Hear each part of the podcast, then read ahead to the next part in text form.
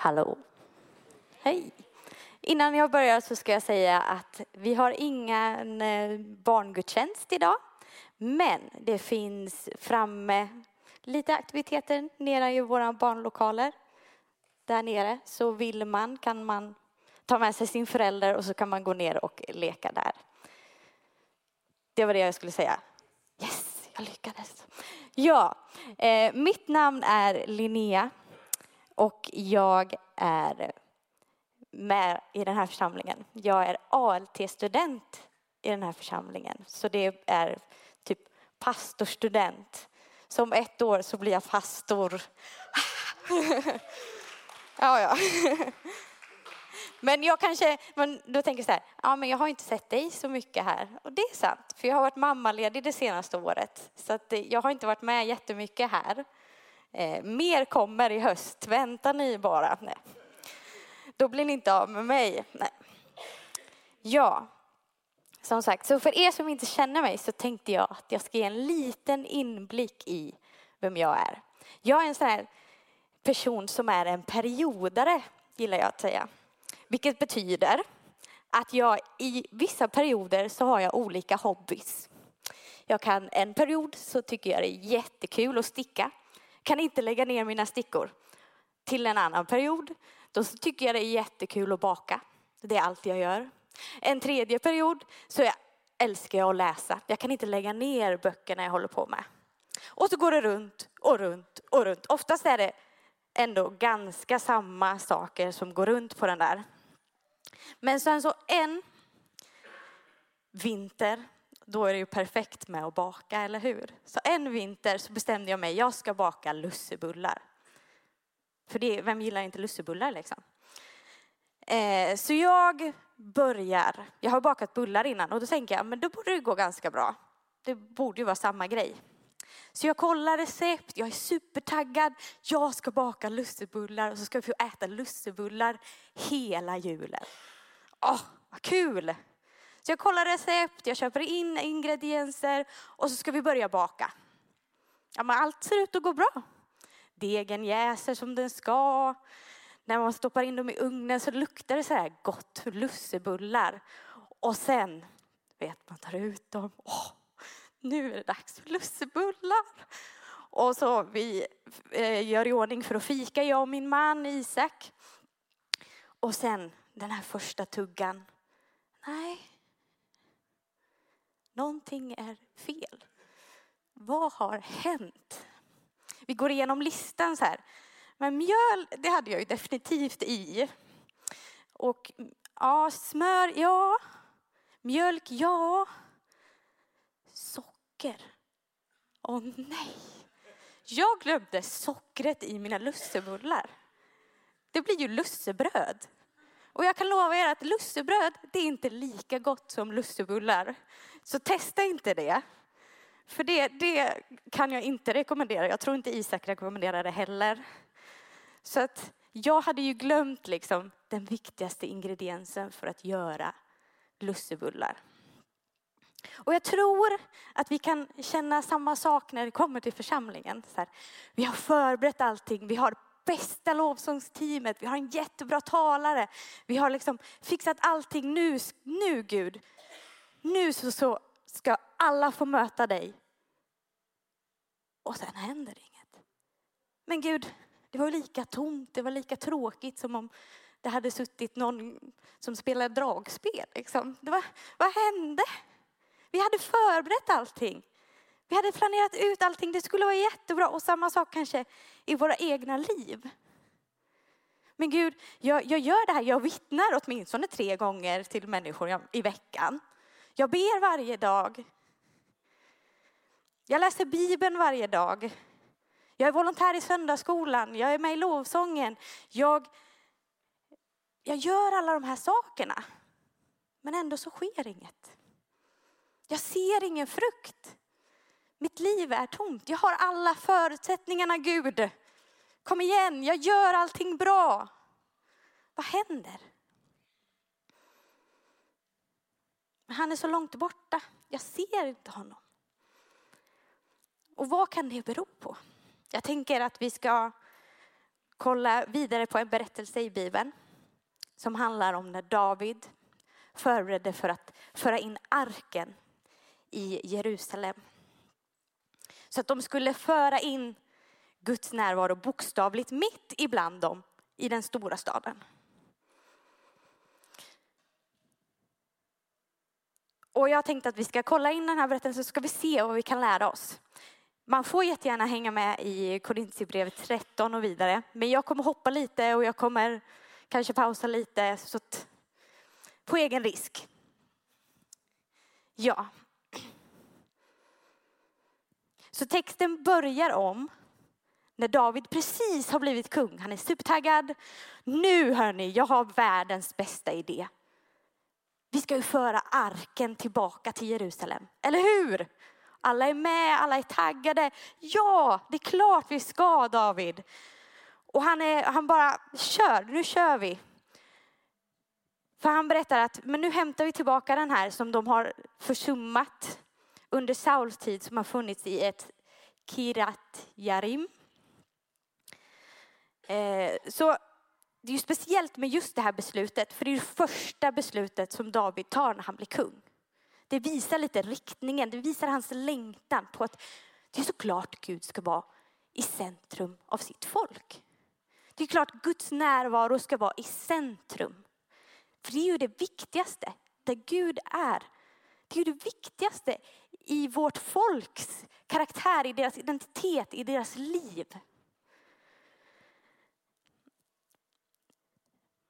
Så han visste att det var det viktigaste, att det var hans motivation, det var hans prioritering. Att Gud, du ska vara i centrum.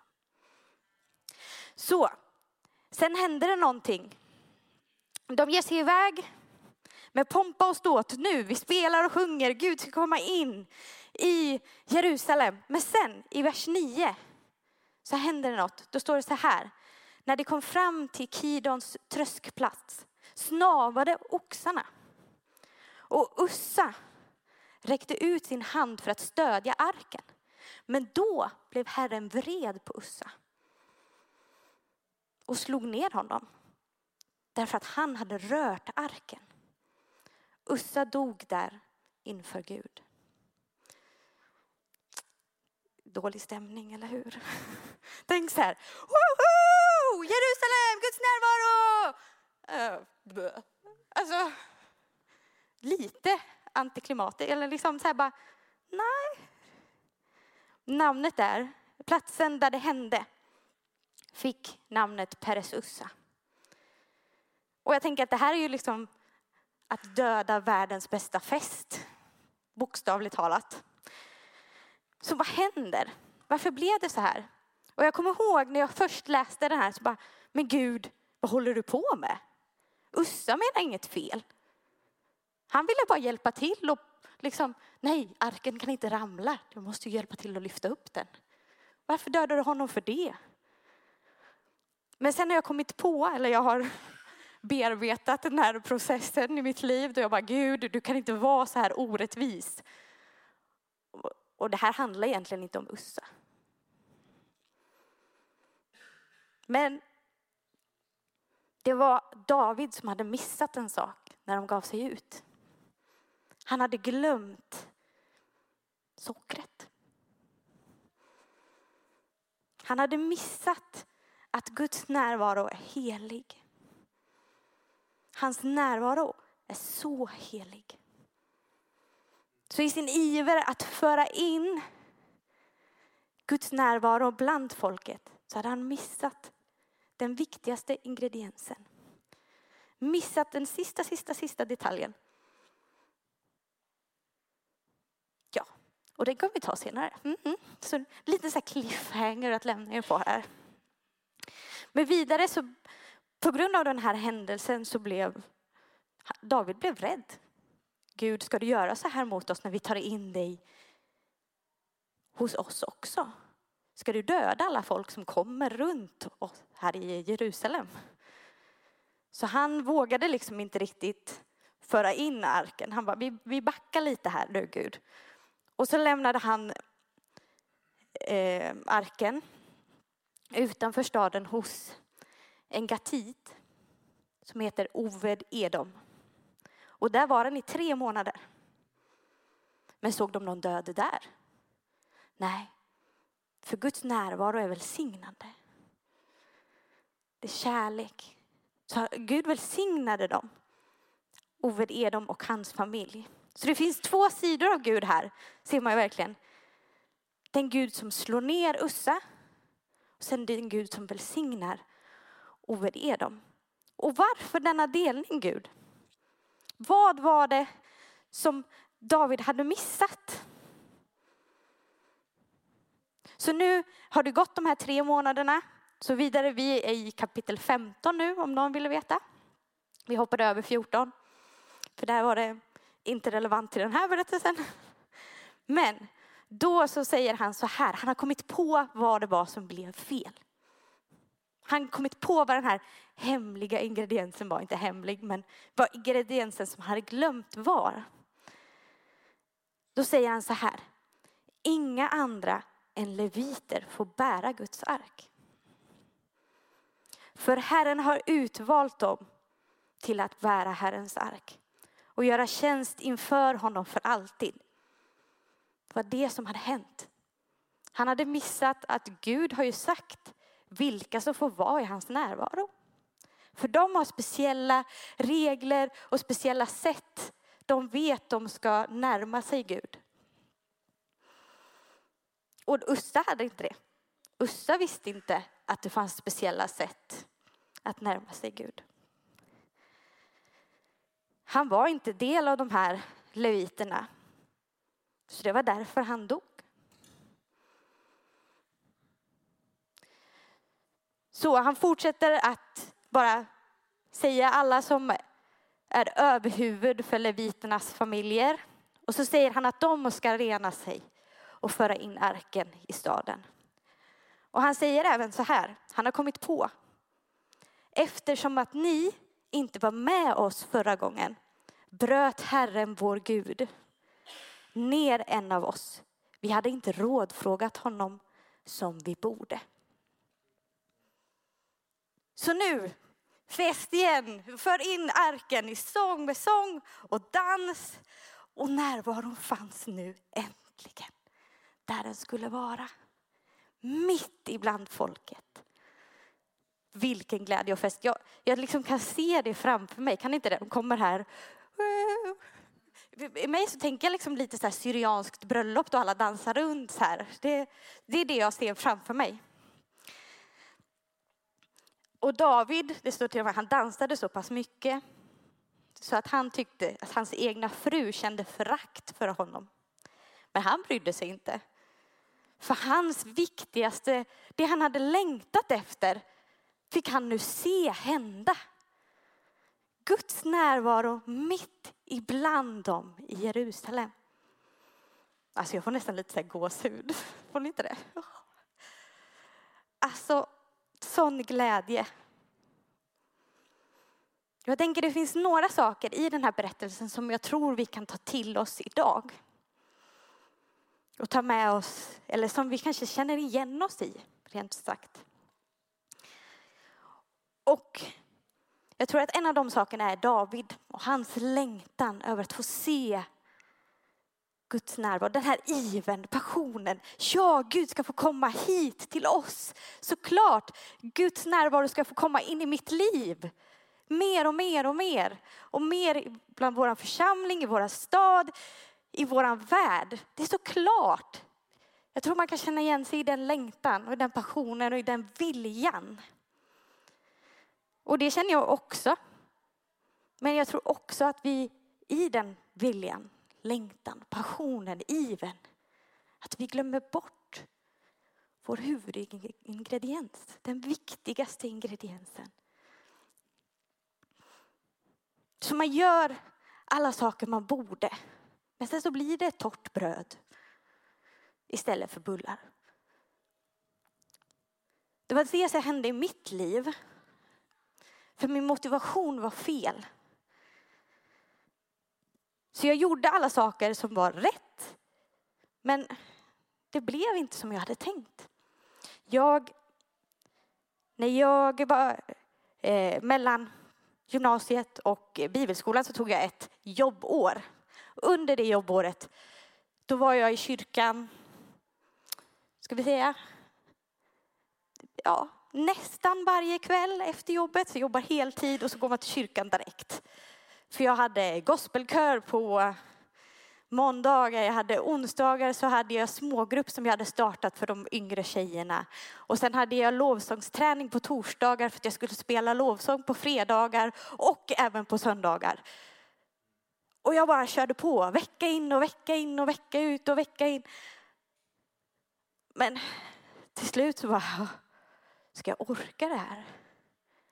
Det hände ju ändå ingenting. Visst, Gud kunde vara närvarande ibland. Men jag kände ingenting. Men det blev ingenting. Det, det bidrog inte in i något större.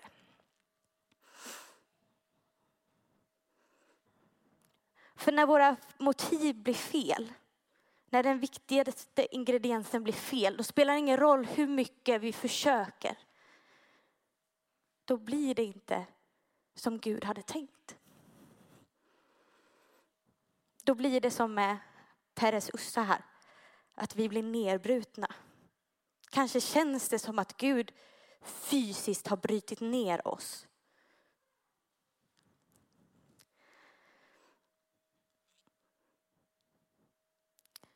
För jag kan se det själv. Hur många av mina ungdomsvänner som jag kände som vi hade samma iver, samma passion, samma glädje för Gud. Som jag nu inte ser i församlingen. För det fanns bara den här ivern, passionen. Den här andra ingrediensen fanns inte. Så en konsekvens av att hamna i nedbrytandet av Gud, det är att man lämnar. För att man vågar inte som David, han vågade inte. Han tänkte med Gud, ska du skada mig så här igen eller ska du skada någon så här igen, då vågar inte jag. Då lämnar jag dig här borta istället. Men jag tror också att det finns någonting med den här platsen i livet som kan få oss att omvärdera. Vad var det som gick fel? Vad var det jag saknade? Och det gjorde ju David. Och han kom på, just det, det var det här. Det var det här som blev fel. Okej, men vi testar igen och vi gör det på rätt sätt. Vi gör det med rätt motivation, rätt drivkraft. Ja, drivkraft. Där. Så istället för att stanna i den här nedbrytandet så tog han sig loss.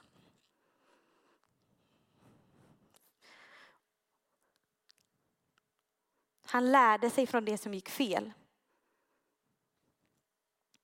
Och jag tänker så här, nästa gång jag bakar bullar, jag kommer ju aldrig glömma sockret.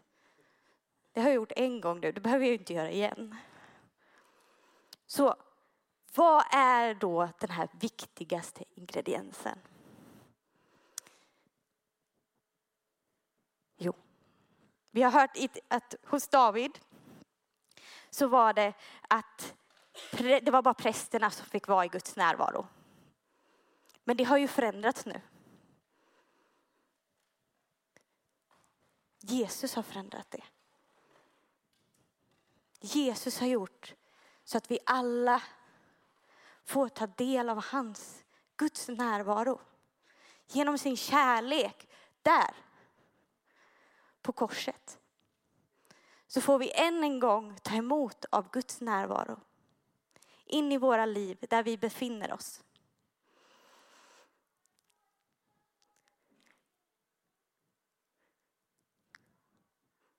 Så han, det är så lite söndagsskolesvar, han är den viktigaste ingrediensen. Inget annat. Ibland kan vi bli fast i alla de här måstena. Men Gud, jag måste göra det här, jag måste göra det här, jag måste göra det här. Så det blir vår viktigaste motivation istället för att det blir Jesus som är vår motivation. Och där hamnade jag den här glappåret mellan gymnasiet och bibelskolan. Det andra blev det viktiga. Men det är människorna som ska möta Gud. Amen, det är de här sakerna jag ska göra som är det viktiga. Men när jag tog ett steg tillbaka och jag gick bibelskola, vilket var en av de bästa sakerna för min tro med Jesus. Då fick jag upptäcka att det var liksom inte bara att jag skulle ge ut kärlek. Utan jag behövde ta emot av Jesu kärlek. För att det är han som är det viktiga, inte det jag gör. Utan att han har gjort det han har gjort. Att han har älskat mig så mycket. Det är det som är det viktiga. Det är utifrån det jag får vara med och bidra. Det är utifrån det jag får föra in Guds närvaro. Här, i mitt liv, i min familj, i min stad. Där jag befinner mig. För det är inte min kärlek som kommer att visa Guds närvaro. Eller att frälsa någon. Eller att påverka hur någon lever sitt liv. Utan det är hans genom mig. Så jag vet inte var du känner att du befinner dig. Du kanske känner att du är så här, jag är full av längtan. Det, inget kan stoppa mig. Gud, du är bäst. Men du har inte reflekterat över varför du gör vad du gör. Som jag gjorde innan. Då skulle jag vilja be dig, ta den här chansen. Under sommaren så pausas ju allt det andra. Fundera på varför gör du vad du gör? Vad är din motivation? Vad är din drivkraft? Eller så känner du, jag är bruten. Inget har hänt Gud. Och till dig vill jag säga att det går att komma vidare. Det går att på nytt komma tillbaka. För han har inte lämnat dig. Han är fortfarande där. Och om det är han det handlar om så kommer han aldrig lämna dig. Även om du väljer att ta ett steg tillbaka och omvärdera. Vad var det som gick fel Jesus? Så står han kvar och väntar på att du ska komma tillbaka. Komma tillbaka till den viktigaste kärnan, till sockret. Nämligen Jesus. Sockret i våra liv. Så känner du att du befinner dig i ett brutet stadie så skulle vi jättegärna vilja be för dig här. Vi kommer strax att få tillbe Gud igen. Och om du känner att något av det här talade till dig så får du jättegärna komma fram och sätta dig här så ber jag eller Jonas för dig.